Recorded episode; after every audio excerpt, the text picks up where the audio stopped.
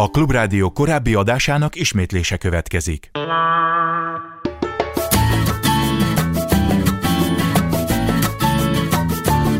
Élni jó. Egy műsor, amiben megpróbálunk utána járni annak, hogy miért jó élni. Köszöntöm Önöket, Kadarkai Endre vagyok. Elsőként jöjjön Halácsi Péter. Harmad magával megalapította a legismertebb hazai startup vállalkozást, a Prezit, amelynek technológiai igazgatója lett. 2015-ben társaival 25-ek lettek a Financial Times által összeállított listán, amely Európa legjobb 50 technológiai vállalkozóját rangsorolta. Később nem találta a neki tetsző iskolát, így sajátot alapított. Azóta már államilag is elismerté vált az általa létrehozott Budapest School modell. Pszichológus feleségével két gyermeket nevelnek. Szerinted mi a kulcsa a jó életnek?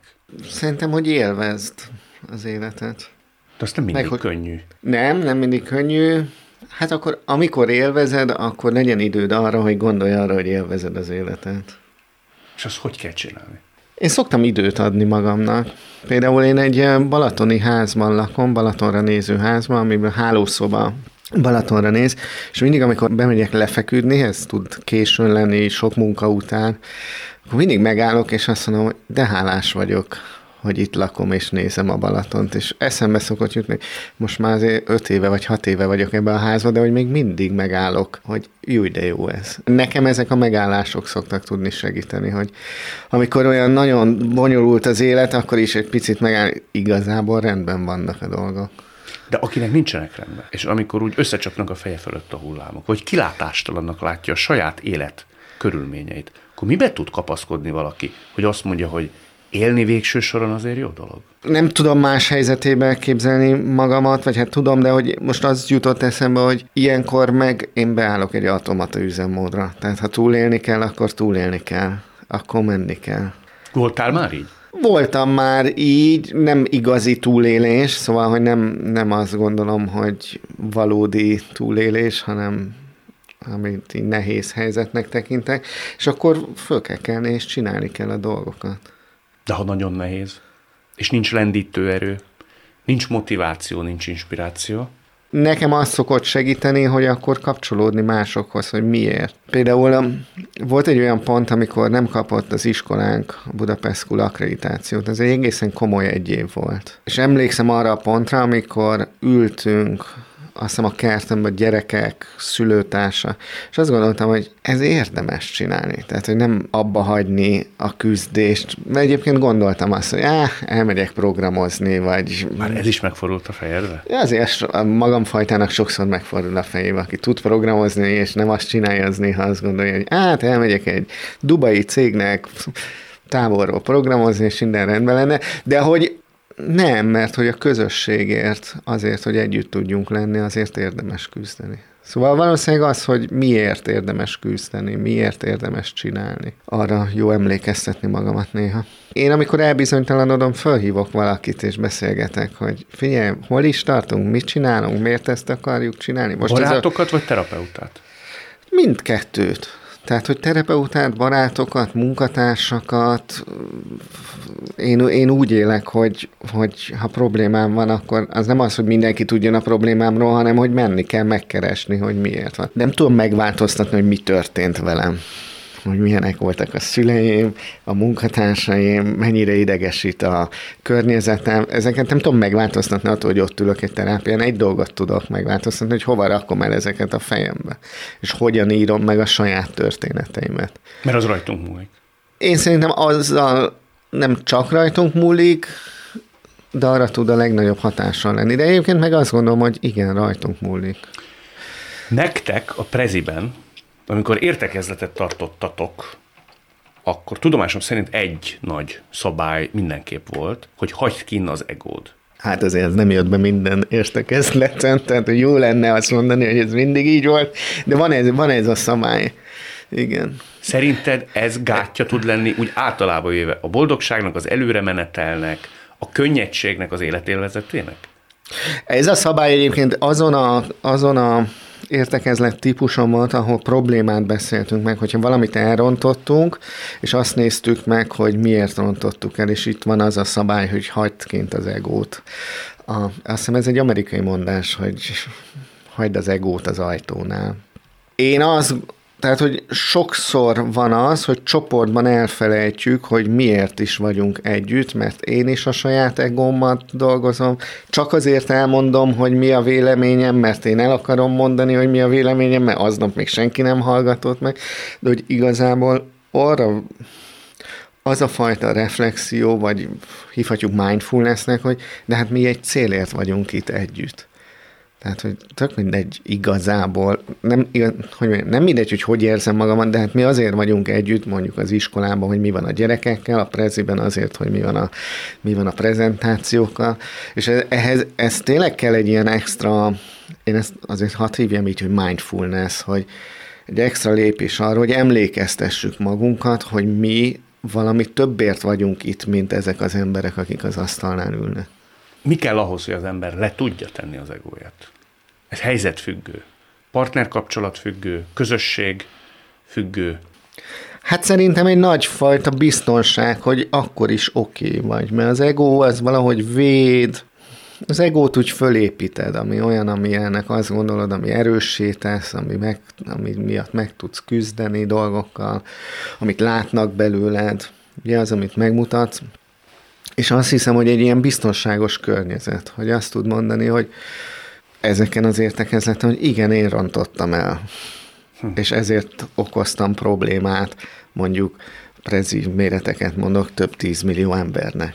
Azért ez egy nagyon nehéz mondat, főleg, hogyha egy 20 hat éves új munkatárs vagy, vagy, vagy egy 40 éves ügyvezető vagy, akire mindenki azt hiszi, hogy te sose követsz el hibákat. Érted? Szóval, hogy ezt így felvállalni, ehhez kell az a biztonságérzet, hogy igazából nem fogsz elveszni attól, hogy ezt így félreteszed az ego.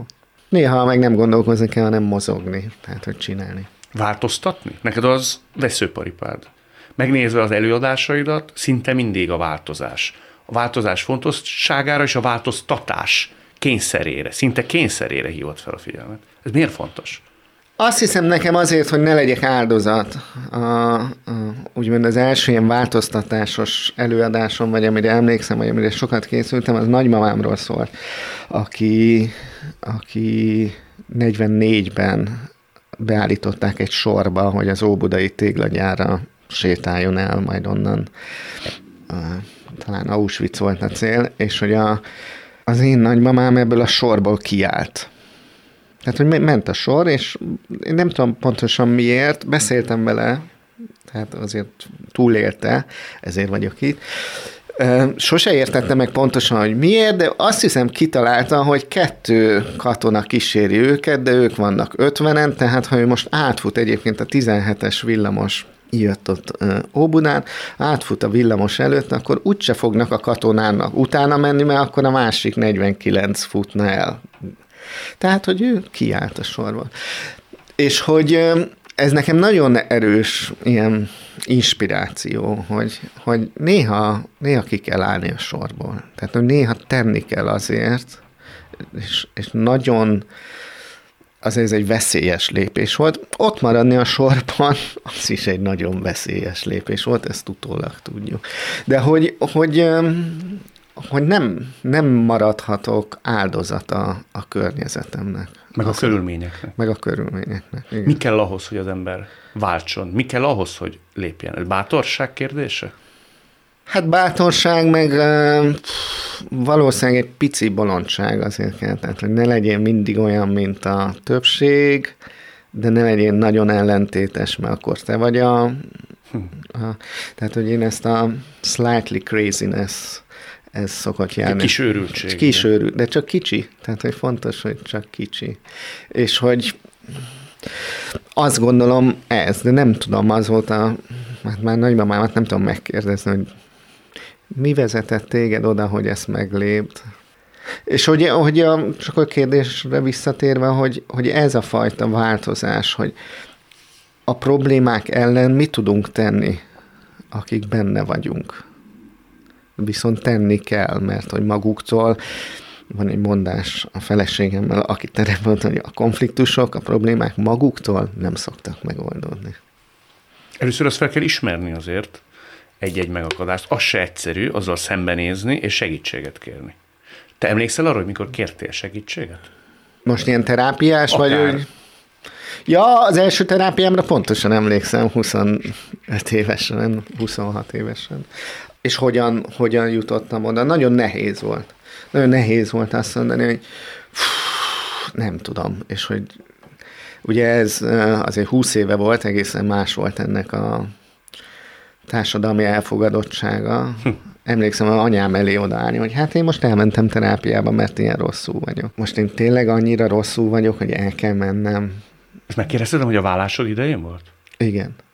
Mert ugye beszéltünk mi erről egy korábbi interjúban. Igen, igen, igen hogy a, hát én, én ugye 25 évesen házasodtam, 25 évesen váltam, tehát hogy egy évben ezt mind letudtam, és akkor ott azért volt egy ilyen pont, hogy, hogy, hogy tudod, amikor papírod van arról, hogy alkalmatlan vagy párkapcsolatra, én így éreztem.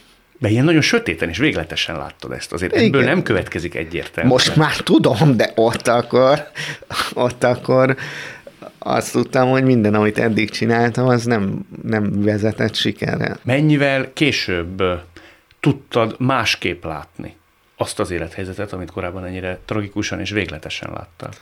Hát azt az élethelyzetet szerintem egy-két év volt, ezért ott egészen, egészen komoly kompenzáció indult be. Fiatal voltam, jóképű, és mindent lehetett csinálni. Tehát egy kicsit ilyenkor az ember be akarja bizonyítani magának, hogy ő még kelendő a húspiacon, és egy Kelendő a húspiacon, férfi. meg én, én egyébként, én, én dolgoztam egyetemista koromban, én jártam, én nekem jó, egyet, jó jegyeim voltak az egyetemen, tehát hogy én azért így, amíg az egyetemen mindenki buliba járt, én nem nagyon jártam azokba a bulikba, meg én, én egy rendes fiú voltam, ez nem nagyon látszik rajtam. Vasalt szövetnadrágban jártam például egyetemre, erre emlékszem. Aztán utána összeszedtél egy kis koszt, nem? Egy kis koszt összeszedtem, igen, egy kis, egy kis furcsaságot. 23 éves korodig, amíg elvégzed az egyetemet, nagyon döntés nem kell hoznod. Vagy megmondják neked, vagy előírják, és ha nem azt csinálod, akkor intőt kapsz. És hogy, és hogy ott van az, amikor állsz fiatal felnőttként, hogy és akkor most kéne döntéseket hozni. De addig soha nem kellett ezt gyakorolni, érted? Nekem ez veszőparipám, hogy az életben voltak éppen az igazi nagy kovácsa a sikernek és a boldogságnak az a döntések meghozatala. Igen. A nem döntés is döntés, meg a rossz döntés is döntés. De a döntések labirintusából jutunk el oda, ahol épp most vagyunk? Azt miért nem szeretjük megtenni a döntést? Szerintem gyakorlás kérdése. Hát egyrészt felelősségvállalás, most láttam Csernős filmet, szerintem felelősségvállalás, meg, meg gyakorlás, meg, meg, meg nagyon sokszor azt hiszük, hogy ilyen, ilyen irreverzibilis döntések vannak. Tehát visszafordíthatatlan. Igen. Pedig nem? Pedig nem. A Kálmán Lászlóval sokat beszélgettem, és ő mondta mindig, hogy miért nem használjuk a véletlent döntéseknél. Néha földobni egy pénzérmét, ugyanolyan jó, mint azt hinni, hogy te mindent értékeltél, és jól tudod. Csináltál már ilyet? Igen, és néha ez van. És, hát, és, és néha ez a döntés, a fél tök mindegy, vagy nem, nem tudom eldönteni, akkor meg fogadjuk el, ami lesz, aztán majd változtassuk. És ez egyébként egy furcsa gondolat, és a társadalmunkban is szerintem egy új gondolat, hogy újra lehet értékelni döntéseket. Ez nem büszkeség kérdése is sokszor, hogy a korrekció, mint olyan, az valami fajta hiba felismerés, az valami hiba beismerés is egyszer, és mintha óckodnánk attól, hogy egy korábbi rossz döntésünket látványosan mások számára felülbíráljuk. Hát szerintem egy hiba beismerés, mert tényleg egy hiba, de hogy a hiba az nem olyan nagy probléma. Még van egy ilyen kulturális üzenet, hogy az az igazán kitartó, aki megy, akkor is uh, ha már nincsen értelme. Szóval, hogy nem, hogy az az, az igazi hős, aki akkor is tud menni. Én nekem meg az a, az a, az a megközelítésem, hogyha megyek, és ott van egy fal, akkor ha kikerülöm, tehát irányt változtatok, akkor előbbre jutok a végén. Van ez a kísérlet, hogyha ha embereknek azt mondogatjuk, hogy te nagyon jól csinálsz valamit, te nagyon jó műsorokat vágsz mindig, vagy csinálsz, vagy készítesz, mert te ügyes vagy, akkor utána elkezd csökkenni a teljesítményük, mert nem mernek belemenni olyan helyzetekben, ami rizikós. Miért? Mert az az identitásom, hogy nekem jól mennek a dolgok, akkor nehéz rizikós dolgot vállalni, mert lehet, hogy nem fog jól menni, és akkor az identitásomat vesztem el. Ezen szoktam én, ma, múlt héten valami gondolkoztam, hogy hú, jól mennek most is a dolgaim, de nehogy elhiggyem, hogy mindig jól mennek a dolgaim, mert akkor majd el fogok kezdeni ragaszkodni, hogy csak olyat csinálok, ami jól mennek a dolgaim. Tehát, hogy igazából nem mennek mindig jól a dolgaim, és hogy ez így rendben van. Szóval, hogy ez a fajta gondolkodás, hogy, hogy kipróbálhatok valamit, lehet, hogy rosszul csinálom, de fontosabb, hogy újra kipróbálom, hogy módosítani tudom, hogy, hogy ráismerek, hogy hibáztam, ezért tanulok, az az, az öntanulás képessége sokkal fontosabb, mint az, hogy mindig mindenben jó vagyok. Visszatérve az oktatásba, azért, aki mindig mindenben kitűnő az iskolában, és ezt még az egyetemen is ezt mondja, akkor én azért megszok, meg a munkahelyen is mindig ő a legjobb, akkor szerintem ő azért rossz szobában van, és lehet, hogy máshol kéne mennie. De mondok neked olyan dolgot, amiben olyan fix a gondolkodásom, hogy csak na, magunk között a feleségemmel ezt fixed as fucknak szoktuk hívni, majd fafnak lehet. Az a jó benne. Én például azt gondoltam gyerekkoromban, hogy nem tudok énekelni és mai napig mondom, és mai napig szégyelném, hogyha énekelnem kéne, és, és most a gyerekeim tanulnak zenélni, és én is tanultam zenélni, és, és végig gondolom, hogy mennyi ilyen üzenetet küldtem magamnak, hogy én majd úgyse fogom tudni megcsinálni. Hogy ez miért van, mert már az anyám se énekelt, meg az apám se énekelt, és akkor láttam, amikor bemegyek más családokba, ahol például az éneklés egy mindennapi cselekvés, hogy, hogy, hogy ez tök máshogy lehet hozzáállni. Szóval nem, nem biztos, hogy most ilyen nagy dolgokról kell beszélni, mint sikerek meg, hanem a mindennapi képességek változtathatóság. Ha jól értem, neki álltál énekelni mondjuk szűk családi körben? Nem, én nem merek mai napig nagyon. Kísérletet nagy szükség, hogy mondjam, a gyerekemnek persze énekeltem, amikor kicsi volt. Egy idő múlva mondta, hogy miért mindig ugyanazt a dalt. Melyiket szoktad énekelni? Én a rejtelmek, ha zengenek. Azt én nem ismerem. Na, hát most egy nagy terápiás lenne, hogy együtt elénekelnék. Miután Na, én nem ismerem, ugye egyedül maradt az éneklésben, és nem egyébként tudom. ez egyszer egy csoportterápián előjött, és ott azt mondta a terapeuta, hogy akkor most énekeljünk együtt, kezdjem én. Na, az egy kemény pont. Na nem, nem áll, csak két sort. Látod, ezt mondom, hogy teljesen piros leszek, gondolom, érzem a testemben a szorongás. Tehát, hogy attól, hogy a prezit csináltuk, ezek nem változnak. De ha jól értem, te ezzel a példával azt akartad mondani, hogy ezek a korlátok, ezek jó részt a fejünkben élnek. Szerintem nagyon, igen. És az az érdekes, hogy, hogy nem, nem biztos, hogy attól, hogy az egyiken leküzdöttük a korlátot, a másikon. Te emlékszel olyan pillanatra, vagy pillanatokra az életedben, és biztos ilyet azért fel lehet idézni, vagy elő lehet hívni az emlékezetből, amikor olyan nagyon markánsan, nagyon elemi módon érezted azt, hogy baromi jó dolog, hogy élsz. Furcsa dolgot szokott, fogok mondani. Egy, azt mondanám, hogy egy-két hetente, ha nehezebb időszak, akkor ritkán így elfog egy ilyen boldogságérzést. Nekem ez a, a, a, a egyetemista voltam, és amikor elmaradtak órák, hm. mert valami, és akkor azt éreztem, hogy és most szabad vagyok. Mert hogy a lyukas óra az egy ilyen szabadságérzet, mert nem jut eszembe, hogy mi mindent kell csinálni. És mai napig vannak ilyen pontok, amikor azt érzem, hogy tulajdonképpen ez, ez egy, az az érzésem, hogy tulajdonképpen tehát amikor elfelejted az, milyen hosszú a tendők listája, elfelejted, hogy kell menni a gyerekért, elfelejtesz mindent, mert, mert valahogy vagy belekerülök egy olyan flóba, mert csinálok valamit, és úgy érzem, hogy haladtam és ki tudtam szállni mindent a zónából, vagy csak azt érem meg, hogy tulajdonképpen úgy meg vagyok. Tulajdonképpen te ezt a szabadsághoz kötöd.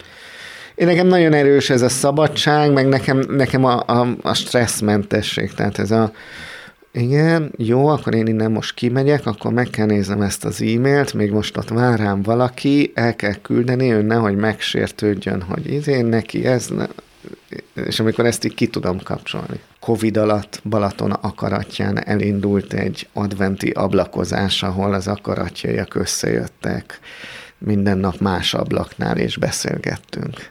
És az a fajta élmény, hogy a gyerekekkel megyünk, ma is találkozunk a törzsel, ugyanazzal a kb. száz emberrel, akaratja, Balaton akaratja egy falu, ahol ez meg tudtad. Tehát nagyon sok ilyen emlékem van. Egyébként érdekes mondani, egy szorongás eszembe jutott. Nehogy mondjak valamit, és valaki megsértődjön, hogy az nem az, hogy akkor vele voltam, és ott voltam. Ez téged Szorongat, frusztrál? Igen, csak most beszéltünk ilyenekről, úgyhogy elmesélem. De ha valaki mondjuk egy teljesen hétköznapi életet él, nem jut el San Franciscóba, a BBC se foglalkozik vele, az szerinted... Menjen Balaton akaratjára. Menjen Balaton akaratjára. De igen. Közben. Az, hogy rajtunk múlik, hogy ezeket mi fölismerjük, hogy ezt előállítsuk. Van, aki erre például lehet, hogy képtelen. Én ezt nem mondanám, tehát képtelen most, vagy még, vagy ebben a helyzetben. Tehát, hogy nem gondolom, hogy örökre ez így van. Szerintem vannak olyan helyzetek, amikor ez nagyon nehéz, és küzdeni kell érte, de változni tudnak ezek a helyzetek. De, de igen, én azt gondolom, hogy az, az öröm és a boldogság, én nagyon sokat szoktam ezen gondolkozni, hogy rezsiáremelés, kata, csökken nekem is a fizetésem, pedig én egy jó módú ember vagyok, és, eh, és hát az emberiség 80%-ának még rosszabb. Tehát, hogy ja, de én egyébként itt vagyok, van fűtés, van, érted? Szóval, és tudom, hogy relativizálni, és ettől is most szorongok, hogy valakit megbántok, mert hogy ő, hogy nem mondjuk azt, hogy neki nincs pénze, mert vannak még szegényebbek. Én én szoktam erre gondolni, amikor nekem nagyon nehéz, hogy, hogy, hogy tulajdonképpen szerencsés vagyok, és hálásnak kell lennem. És az, az egy kérdés, hogy kinek ezen dolgozni kell. És te kinek szoktál? Hálát Én... adni, hálásnak lenni? Hát valahogy ennek a világ együttállásának. Tehát, hogy én egy nagy rendszer szemléletű, nagy rendszer hívő vagyok, és azt gondolom, hogy hogy aki másnak Isten, az nekem az a komplex rendszer, amit mi itt létrehoztunk, az emberek és a természet és a bolygók, és már annyira komplex, hogy senki nem érti, tehát tőlem hívhatjuk Istennek is, de hogy van valami fajta együttállás, aminek azért érdemes néha hálásnak lenni. Hogy nálad hallottam először, vagy másnál nem tudom, de én már hozzád kötöm, szoktam volt idézni, az egyik előadásodban hallottam, hogy nem mások jelenéhez hasonlítsuk magunkat sokkal inkább saját magunk múltjához. Miért baj az, ha mások jelenéhez hasonlítjuk magunkat?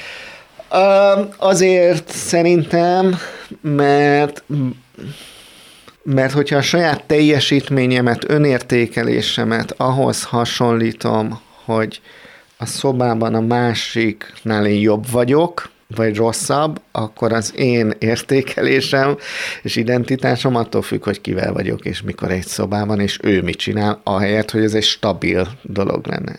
Én így szoktam magamnak magyarázni. Iskola, bocs, hogy mindig ide jutok el, ha a gyereknek azt mondom, hogy te voltál a legjobb X-ben a 30 fős osztályban, akkor az igazából a gyerekről árulkodik, vagy a másik 29-ről. Hmm. És lehet, hogy egy jó érzés jónak lenni, mert azért a versenyszellem bennünk van, és én is nagyon tudom élvezni azért. És emlékeztetni kell magamat, hogy lehet, hogy ligákat kell változtatni. Érted? Szóval attól, hogy most itt vagyok, attól az a kérdés, hogy én fejlődöm-e, vagy például mindig úgy választom meg az embereket, hogy én legyek mindig a legjobb, van ez a személyiség is, ugye, hogy mindig én vagyok a legjobb. de ezt ő hozza létre, nem egy valódi dolog. Szóval én ezért gondolom azt, hogy ez is egyfajta ilyen rögzült gondolkodás, hogy mindig azzal definiálom magamat, hogy a másikhoz képes.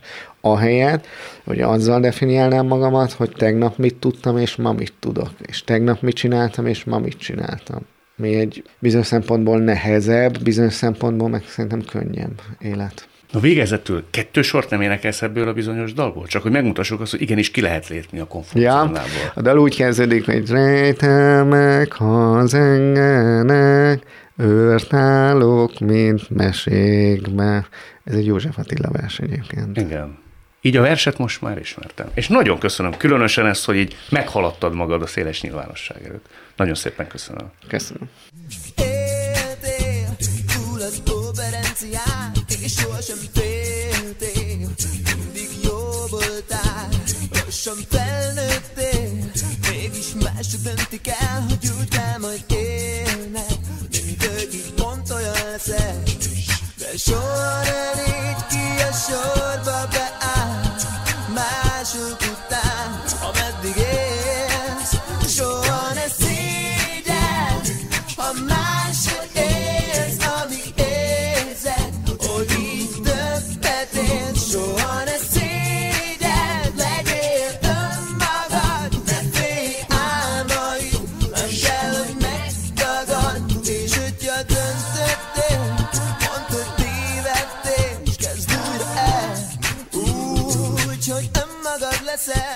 Halácsi Péter után következzék egy történet sztereotípiákról, bántalmazásról, előítéletekről, talpraállásról, megbocsátásról, na meg a szeretetről.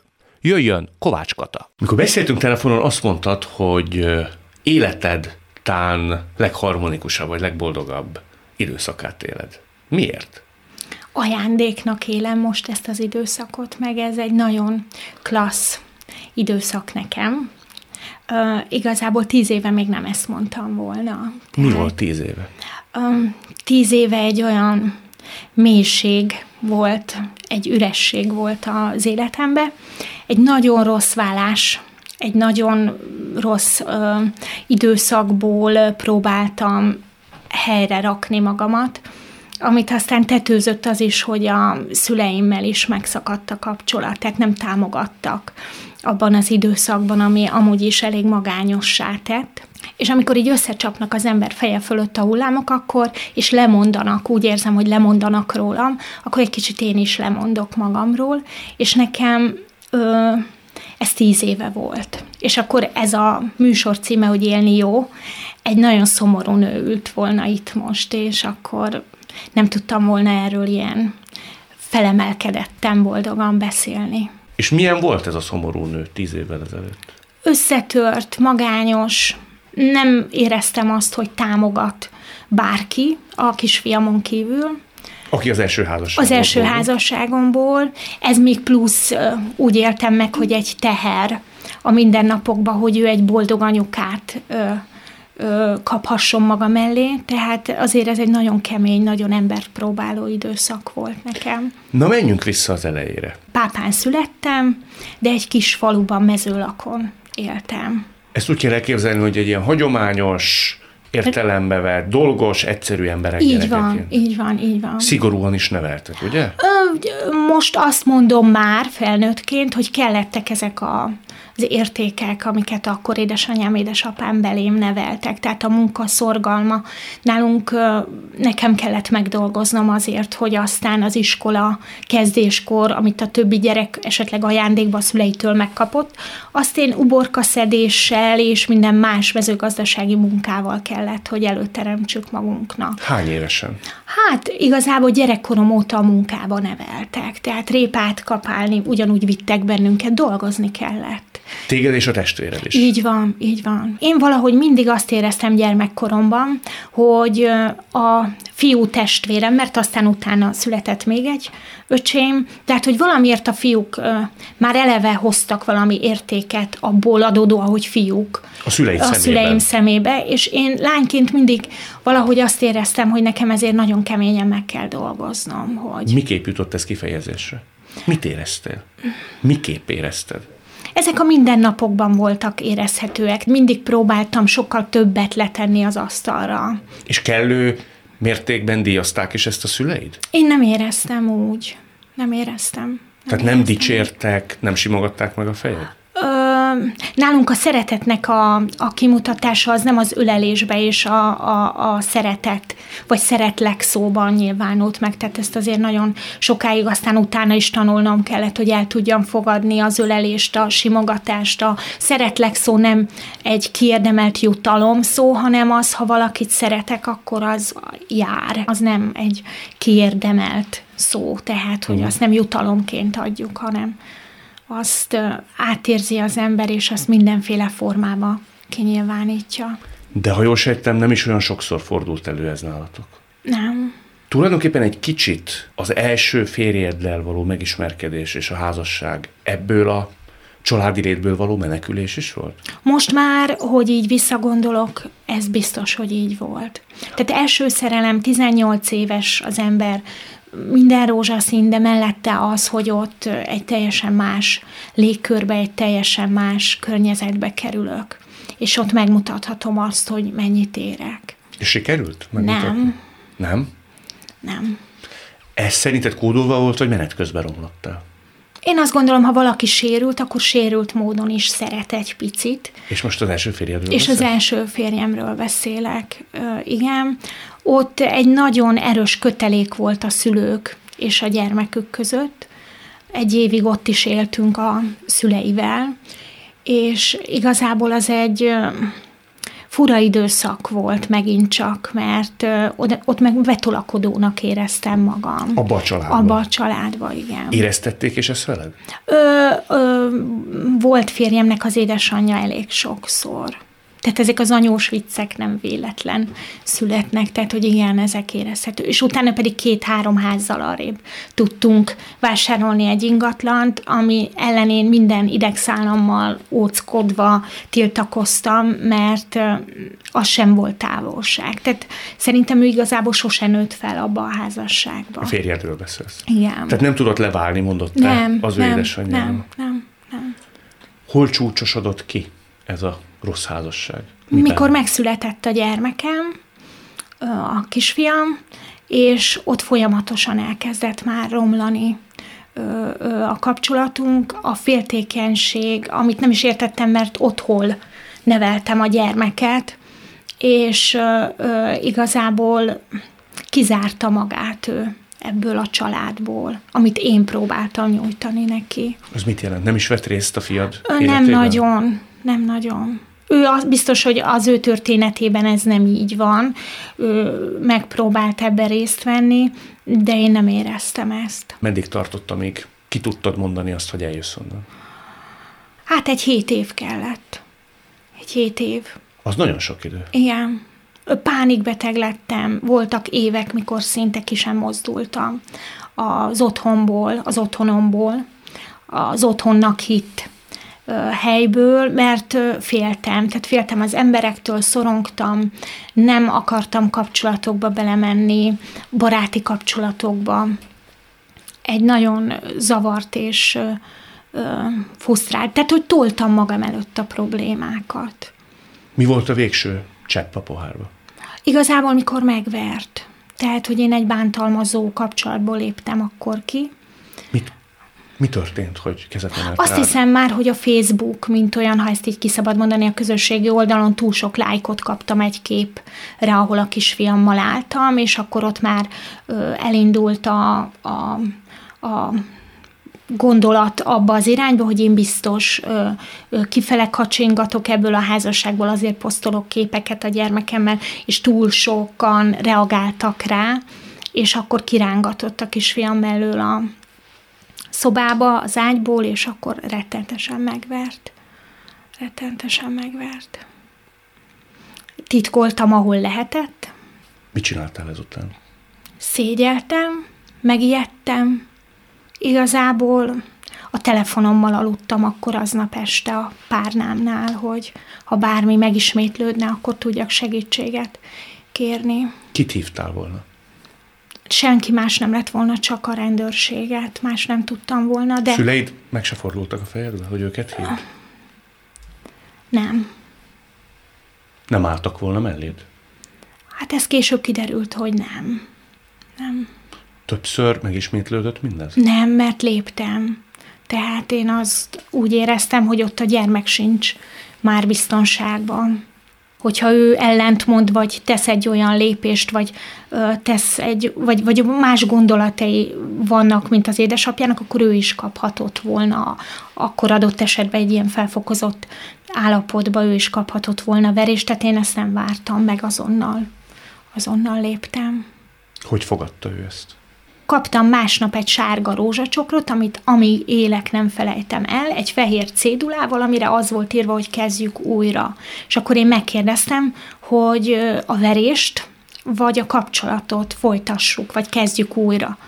És akkor nem reagált rá semmit, tehát nem, nem volt ennek igazából ö, olyan háttere, hogy ő azt komolyan gondolta, meg nem is tudtam volna, tehát én bennem ez a mai napig egy olyan törés, Ez egy határkör. egy, egy, egy nagyon, nagyon, nagyon, nagyon fontos pont az életemben. Ő valaha ezért bocsánatot kért? tőle? Soha. Ti beszéltek? Nem. Most már odáig fajultak a dolgok, hogy a gyermekével sem tartja a kapcsolatot jó ideje, de ezt megelőztem millió gyámhatósági rángatás, húzavona, bírósági perek, úti költségtérítést kért tőlem, tehát olyan szintre megalázta tulajdonképpen azt a kapcsolatot, ami a miénk volt, még a bántalmazás előtt. És annak a kisgyereknek egy olyan apaképet festett, amivel kapcsolatban én azt gondolom, hogy jobb is, hogy nem keresi. Tehát, hogy nem, nincs kapcsolatuk egymással. Egyedül maradtál az akkor hány éves? Öt éves fiadban? Igen, igen, igen, igen, igen. Hova menekültél? Hova tudtál menni? A szülői házba tudtam visszamenni. Édesanyámékhoz akkor mindenki azt mondta, hogy mellém állnak, hogy egy kicsit felerősödve tudjak aztán tovább lépni. De hát aztán ez nem így történt meg. Az az igazság, Endre, hogy visszamenni a szülői házba úgy, hogy már nem gyerek vagy, hanem felnőtt, és van egy élet, utad, történeted, úgy már nagyon nehéz. Miért? Hát megnehezítették, és viszonylag korán azért a testvérem, aki otthon élt a szüleimmel, ő nyomatékosította, hogy ez már az ő birodalma, és nekünk ott ilyen megtűrt szerepünk van. Amit mondtam is neked, hogy fiú és lány között azért óriási különbség volt abban a családban.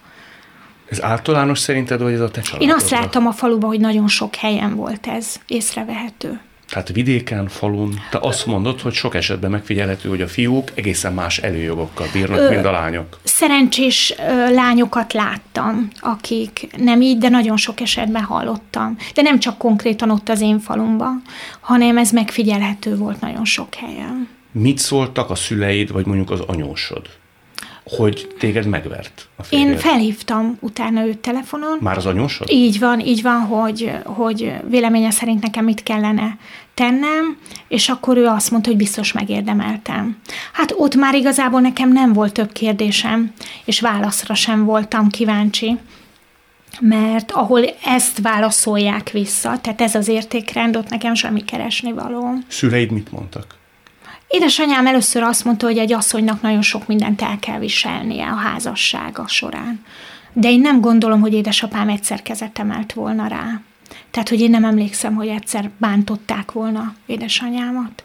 Te honnan voltál biztos magadban, pláne ilyen közegellenállás ellenében, hogy neked igenis jogod van szuverén módon a sarkadra állni. Tehát amikor egy fiatal nő azt hallja az édesanyjától, hogy sok mindent el kell kicsi lányon viselni egy házasságban, amikor az anyósa, tehát egy másik idősebb nő azt mondja, hogy biztos rosszul viselkedtél. Honnan volt meg benned a bátorság, a teljesen egészséges, normális lépéshez való jogod, hogy én a sarkamra állok, és eddig és ne tovább. Nagyon sokan valószínűleg meggyőzték volna magukat arról, hogy hát akkor nekem ez a sorsom, nem? Szerintem már akkor éledezett bennem ez a, a belső erő, vagy nem tudom, ezt nem tudom megmagyarázni, hogy mi, de én végig éreztem azt, hogy lesz bennem annyi erő, lesz bennem annyi tartás, hogy én ezt egyedül is meg tudom tenni. Ö, mind a mellett nagy teher volt, mondom az, hogy egy kisgyermeket egyedül kell ö, ö, a mindennapjait ö, biztosítanom. Voltál is reményvesztett, hogy mi lesz veletek? Igen, Miből éltél akkor? takarítani jártam ö, gazdagabb házakban, ahol egy idő után megkaptam a bizalmat, de nagyon sok helyen ott is azért megaláztatásban részesült az ember, tehát amikor az ott élő gyermekek a WC-be hagyják direkt a WC kefét, és most akkor nem mondom, hogy milyen állapotban, az azért elgondolkoztatja az embert. Tehát, hogy Ez nem esetleg neveletlenség következmény? Az biztos vagy benne, Ah, hogy ez inkább igen, neked? ebbe is igazad van, hogy, hogy lehet csak ezeket megélni, de, de, de megcsináltam, mert a gyermeknek ebből tudtam biztosítani a mindennapi megélhetést. Tulajdonképpen a fiad volt az egyik legfontosabb lendítő erő. Így van, így van. Ha így ő van. nincs, akkor is láttad volna magadban ezt a fajta erőt? Ö, most már azt mondom így visszatekintve, hogy igen. Tehát valahol mindig bennem szunyadt ez a száz férfi erejével bíró asszony. Tehát, hogy én azt gondolom, hogy ezek engem előre vittek. És mond, azt mondod, volt egy félmondatot, hogy a szüleid kapcsán nem kaptad meg azt a támogatást, és sok tekintetben szorongást és szégyenérzetet éreztél. Amiatt, hogy elváltál? Igen, mert ez azért ott, a, ha haza költözik egy nő gyermekkel a szülői házba, azért az egy ö, vidéki faluba szerintem annyira nem, ö, hogy mondjam, nem sikertörténet. Volt is Most olyan nem. helyzet, amikor mindezzel szembesítettek? Hát konkrétan mondok egy személyes példát, akkor zokogtam napokig ezen a történeten, hogy egy jó vidéki lakodalomba biztos jártál már, és személyre szóló meghívókat küldtek a családoknak. És akkor fel volt sorolva a családból mindenkinek a neve, és az én nevem nem volt ott a listán. És a meghívó meghívón nem szerepelt, és én biztos voltam benne, hogy édesanyámék akkor mellém állnak, és azt mondják, ahol az egész rokonság, a vérre az embernek ott van, és mulatnak, oda nem fognak elmenni, ahol a lányukat ilyen szinten megalázó helyzetbe hozzák, gondolkodás nélkül elmentek. Megkérdezted a szüleid? Igen. És mit mondtak? Hogy örüljek, hogy nekem nem kell ajándékot vennem. És ekkor sírtál. Igen, mert úgy éreztem, hogy olyan, mint a kéz, a, a kézen az újak, tehát, hogy az egy család, mindenkinek megvolt a helye, de valahogy én mindig egy ilyen, nem tudom, nem fontos ember voltam. És te egyértelműen annak számlájára írod, hogy nem voltál a meghívottak közt, hogy te egy elvált nő vagy. Igen, ezt mondták is egyébként. Meg is mondták. Igen. Egyszer csak rájöttél arra, hogy a szüleid házában neked kitelt az időd? Igen, igen, igen. El kell jönnöd? Igen. Meg is mondták, vagy adták tanuljelét annak, hogy ideje lenne kapcsolnod? Testvérem főleg, igen. Igen. És akkor hol tudtál menni? A Zsolt, a második férjem, igazából egy internetes társkereső oldalra regisztráltam. És Még a szüleidnél laktál. Igen, igen, igen, és ő ott rám írt, és onnan kezdődött tulajdonképpen nekem az ajándékidőszak, amit mondok, hogy végre valaki magamért szeretett. Ez volt a kulcs. Igen. Hogy úgy szeret, ahogy vagy. Igen, és nincs érte elvárás, hanem önzetlen szeretet van. Ezt mikor érezted meg Zsolt esetében? Már az első találkozásnál, ahogy rám nézett. Van ilyen? Igen, ahogy rám nézett. Elmeséled azt nekünk, hogy nézett ki? Igazából megbeszéltünk egy Kaposvár ri volt Zsolt, és akkor fel, és hát odautaztam hozzá, és megbeszéltünk egy nyilvános helyen találkozót, és oda jött virágcsokorral ez a régi vágású úriember, amilyen, amilyen most már egyre ritkább, azt látom. Pláne úgy, hogy virágcsokorral, hogy az első házasságodban olyan nagyon sok virágot nem kaptál. A verésnél. Csak akkor. Hát igen. Uh-huh. Bocsánat, igen, szóval megjelent egy kis csokrétával, vagy nagy csokrétával? Nagy. Úgy, hogy még nem találkoztatok. Nem, nem, Hát mondjuk úgy, hogy erősen indított azért Zsolt. Igen, igen, igen. És akkor onnantól igazából nekem megint csak azt tudom mondani, és tudom, hogy unalmas, de elkezdődött egy ilyen mélységből a magasságba út. És hihetetlen érzés, amikor az embert folyamatosan támogatják, és azt érzed, hogy bármibe fogsz, bármihez nyúlsz, az csak jól sikerülhet. Mert van egy háttered. Mert van egy hátterem, így van. Aztán ott felgyorsultak az események, ugye? Zsoltal kapcsolatban viszonylag hamar rájöttetek, hogy közös a ti kijelölt utatok. Igen, hát azért megtett ott is mindenki mindent az előző házasságából kapcsol- kapcsolatosan, hogy azért ez nem menjen zöggenőmentesen. A volt feleségre gondolsz. igen, igen. Az igen. mivel járt? Miket mivel? Hát ugye a gyermekei, tehát egy gyermeket befolyásolni azért elég klasszul lehet. Neki ugye az előző házasságából két gyereke volt. Így van, így van.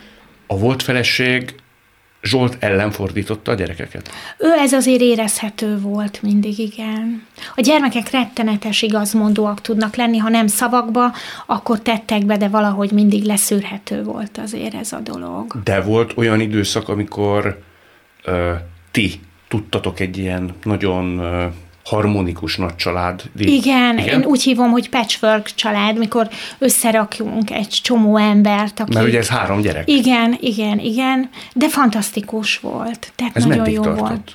Hát sajnos nem sokáig, mert aztán, ahogy jött a kamaszkor, és amúgy is befolyásolható most egy klassz kamasz gyereket nevelek, úgyhogy pontosan tudom, milyen ö, vehemenciával, lendülettel ö, ö, bele lehet vinni őket dolgokba, azért meg lehet zavarni nagyon egy kamasz fejét. Azért a szifádító lehet, hogy van Nagyon. egy szeretett férfi. Az ő két gyereke elfogad engem kvázi pótanyaként, Így van. majd rövid idő elteltével ellenem fordul ez a két gyerek, de különösen az apjuk ellen. Mert hogy itt ez történt, ha jól értem. Igen, nem jöttek aztán többet hozzánk. Ez mind a mai napig rendezett? Nem, ez is megint az ajándékidőszak, amikor a, a, az imák meghallgatnak, és most már a fiú úgy néz ki, hogy hazatalál, és ö, elkezdődött egy ö, újraépítése ennek a, a kapcsolatnak. Tehát a fiú megkereste az édesapját. Hány év után? Hát nagyon, öt, öt év. Öt évig nem beszéltek egymással? Nem nagyon. Nem És nagyon. egyszerűen a fiú felvette a kapcsolatot Zsoltal? Én nem tudom, és ebben nem, tehát hogy ezt nem tudom biztosan, hogy a Zsolt kereste meg a Kristófot, vagy a Kristóf kereste meg aztán az édesapját, de pont pár hete volt, hogy ott ebédelt nálunk, és pohár köszöntő gyanánt mondtam nekik, hogy nagyon büszke vagyok rájuk, mert letettek valami családi traumát, ami, ami visszavezethető volt Zsolt édesapjával, Zsolt édesapjának az ő édesapjával, tehát olyan volt, mint egy ilyen rossz karma, vagy egy rossz átok a családon, és ők ezt most megszakítják. Mert hogy Zsolt is apa nélkül nőtt fel. Hát igen, elváltak ott is a szülők, és ott is Zsolt nem ment, aztán többet nem kereste az édesapját. És ezt szakította meg ez a tizenvalahány éves fiú most. Így van, nagyon büszke vagyok rájuk, hogy ők most úgy néz ki, hogy óvatosan, apró lépésekbe, de rendezik a problémáikat. Ez nagyon nagy dolog. Így van, így van. Hát még lehet a lány is egyszer hazatalál. Ebb, ezt mondom a Zsoltnak, amit most még nem hiszel, de én, én most már nyitott vagyok a csodákra. Vannak? Vannak. És mi múlik, hogy jön-e vagy nem? Ha elmesélhetem, akkor elmondom, hogy nyolc éve vásároltam egy varrógépet, azt ilyen csodaként, hogy értsd, és elkezdtem varni ö, ingyen levendula szíveket az országba. Mentőállomásokra, kórházakba, a Covid időszakba, ö, azoknak az embereknek, akiknek úgy éreztem, hogy jár a megbecsülés. Aztán utána egy csomóan elkezdtek ehhez csatlakozni. Különböző országokba, de még tényleg országokba is, és különböző megyékbe elkezdtek asszonyok előszedni varrógépeket, leporolni, és elkezdtek ingyen ilyen szeretetvarrást. És azon gondolkoztam, hogy miközben vartam, saját magamat is meggyógyítottam. Tehát, hogy tényleg igaz az, hogy nem csak a textét lehet összeölteni, hanem a szívekbe is lehet öltéseket. Te tenni. látod a kettő közt az összefüggést? Nevezetesen, Igen. hogy a te gyógyulásod valami fajta tevékenységgel kapcsolható össze? Igen, a jósággal, ezzel a szeretetvarrással. Én onnantól fogva rengeteg ajándékot ö, kaptam a sorstól, élettől. Úgyhogy ha valamiért élni jó, a jóságért nagyon jó élni. Hát meg ha szeretve vagyunk, nem? Így van, szárnyakat ad. Mert azért itt elsősorban szép dolog ez a varrás, de azért Zsolt nélkül mindez kevéssé valósult volna meg. nem? Igen, igen, mert mindig bátorított, hogy nem butaság csináld. Most szeptemberben volt egy óriási akció, megint, amikor táskákat az iskola kezdésre vartunk a gyerekeknek. Két-három ezer ember egy pillanat alatt tudott ehhez csatlakozni. És mondom, szintén elkezdtek különböző városokba kihelyezni táskákat a gyerekeknek, nehéz sorsúaknak, úgyhogy ezek nagyon klassz dolgok. Kata, és ilyen szeretett fogast, vagy levendula szívet, a családodnak, a szüleidnek nem terveztél küldeni? Annyiszor leültem, és ez egy nagyon jó kérdés tőled, de még nem tudtam. Sokszor leültem, hogy elküldök nekik is, de nem jutottam el odáig, hogy varjak. Mert hogy köztetek nincs kapcsolat? Egyáltalán nincs, én sokáig még próbáltam. Ez hogy nézett ki, neki futottál? Én felhívtam őket, vagy levelet írtam, de teljes az elzárkózás. De ez mi miatt van szerinted? Amit én is úgy tanultam meg időközben, a megbocsátás. Tehát, hogy ők nem tudnak megbocsátani, azt gondolom, nekem valamit, ami, ami, amit nem igazán értek, hogy, hogy mit tettem a család ellen, hogy, hogy ennyire mereven elzárkóznak. És ez egy örök vívódás, hogy vajon a fogasokból és a levendula szívekből egyszer jut-e Hogy- majd nekik. Igen. Fog? Nem tudom, de nagyon sokan viszont tudom, hogy várják, meg egy lelki kapaszkodót, útmutatást ad ez a dolog. Miből áll ez a mostani állapotod, mert hogy a telefonban is említetted, meg most is látszik, hogy úgy más a sugárzásod. Milyen vagy te most? Boldog, mert hallgatnak rám, követnek, szeretnek. Soha nem voltak igazi barátaim, és most itt valahogy az utóbbi időkben erőlködés nélkül, ö, erőfeszítések nélkül olyan szeretetteljes emberek kezdték velem felvenni a kapcsolatot, és kerestek meg, alakultak ki barátságok, ami rettentesen hálás vagyok. Nem onnan fúj a szél, nem tudom, csak gondolom, hogy az ember tán életében először igazán fontosnak érzi magát. Biztos, hogy ez. Tehát az egész létállapotának, tevékenységének, bármilyen teljesítményének látja és érzi, hogy nem csak, hogy van foganatja, hanem hogy ez komoly hatásokkal működik, és ezt elismerik. Eleddig ezt nem ismerték el. Így van, így van. Így van, úgyhogy én, én, én, hogyha az élet értelmét meg kellene fogalmazni, akkor csak így tudnám, hogy a jóságban és a szeretetben. Igen, csak az embereknek néha elfogy a jóságba vetett hitte. Például, amikor azt tapasztalja, hogy a családja nem túlságosan nyitott vagy támogató vele szemben. Igen, választhattam volna akkor én is azt az utat, hogy megkeseredem, savanyú leszek, bezárkózom, és ö, hibáztatok mindenkit, és nem nyitok mások felé. Most, ö, ha igazán büszke lehetek magamra, akkor ebből a szempontból rettentesen büszke vagyok magamra, hogy tudtam újra nyitni. Hogy igen, volt időszak, mikor bejöhetett azon akármi, tehát jó-rossz minden, de, de most egy ideje mondom, csak jó dolgokat tapasztalok és szeretetet. Nagyon sokszor volt, hogy üvöltve kérdezett tőlem a volt férjem az arcomba, hogy mikor adom fel, és soha nem tudtam feladni. Tehát van egy olyan Mit? belső erő. Mit kellett volna feladni? A mindennapi harcot, hogy törjek már bele. Ez Tehát ő meg akar dolga. téged törni. Ö, én biztos vagyok benne, mert ez, ez mondom kifejezésre is került nagyon sokszor így, hogy mikor adod már fel.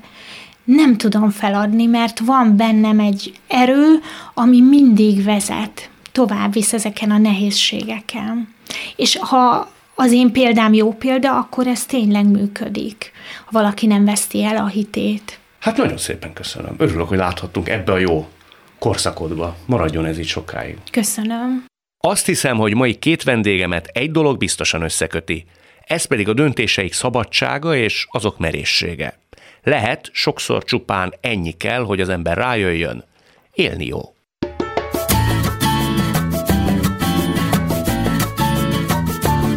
Élni jó. Egy műsor, amiben megpróbálunk utána járni annak, hogy miért jó élni.